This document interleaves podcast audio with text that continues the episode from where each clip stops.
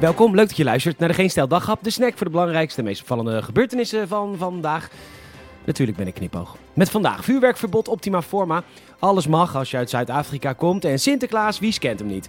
Mijn naam is Peter Bouwman, dit is de dag, maandag 29 november.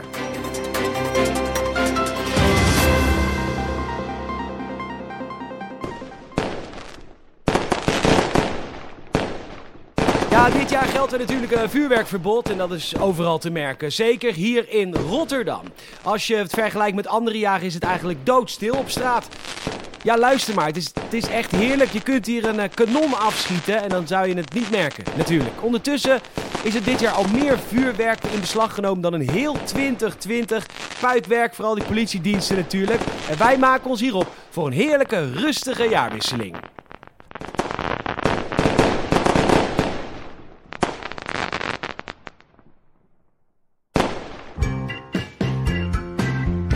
Bij de Telegraaf was vandaag Iteke de Jong weer aan het woord. Zij is luchtvaartverslaggever en wij zijn groot fan van Iteke. Ze spreekt over de vluchten vanuit Zuid-Afrika en wat reizigers moeten doen als ze aankomen in Nederland.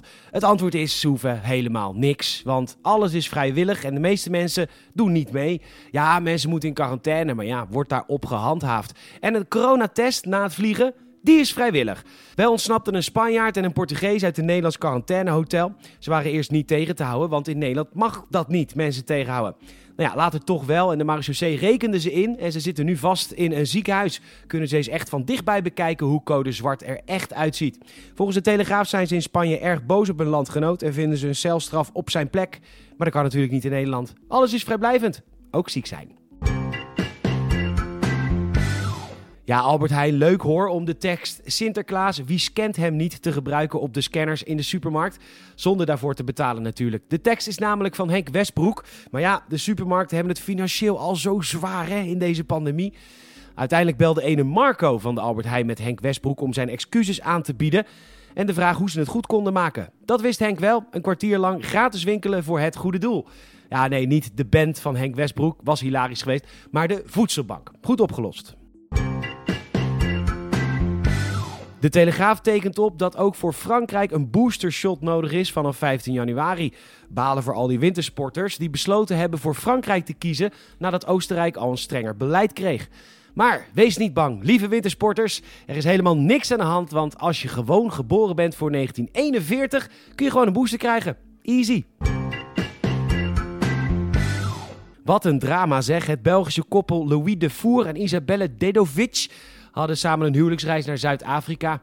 Ze kwamen terug via Nederland en Louis testte positief op het coronavirus. Ze mogen van thuisland België niet hun quarantaine in België uitzitten en dus zitten ze in een quarantainehotel in Nederland. Naar eigen zeggen was hun reis naar Zuid-Afrika de mooiste uit hun leven. En nu moeten ze even tien dagjes in een Nederlands hotel verblijven. En gingen ze van de hemel naar de hel. Alsof we criminelen zijn, zeggen ze in het AD.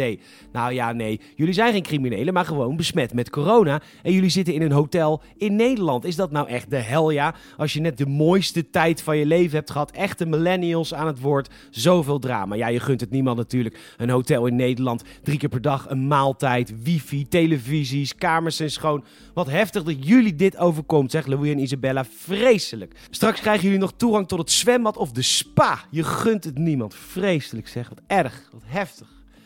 Oh. Bedankt voor het luisteren en je zou ons enorm helpen als je een vriend of vriendin vertelt over deze podcast. Je kan een Apple Podcast review achterlaten. Vijf sterren alsjeblieft. Make them good. En je kan ons volgen via Spotify en vriendvandeshow.nl. Nogmaals bedankt voor het luisteren en tot morgen.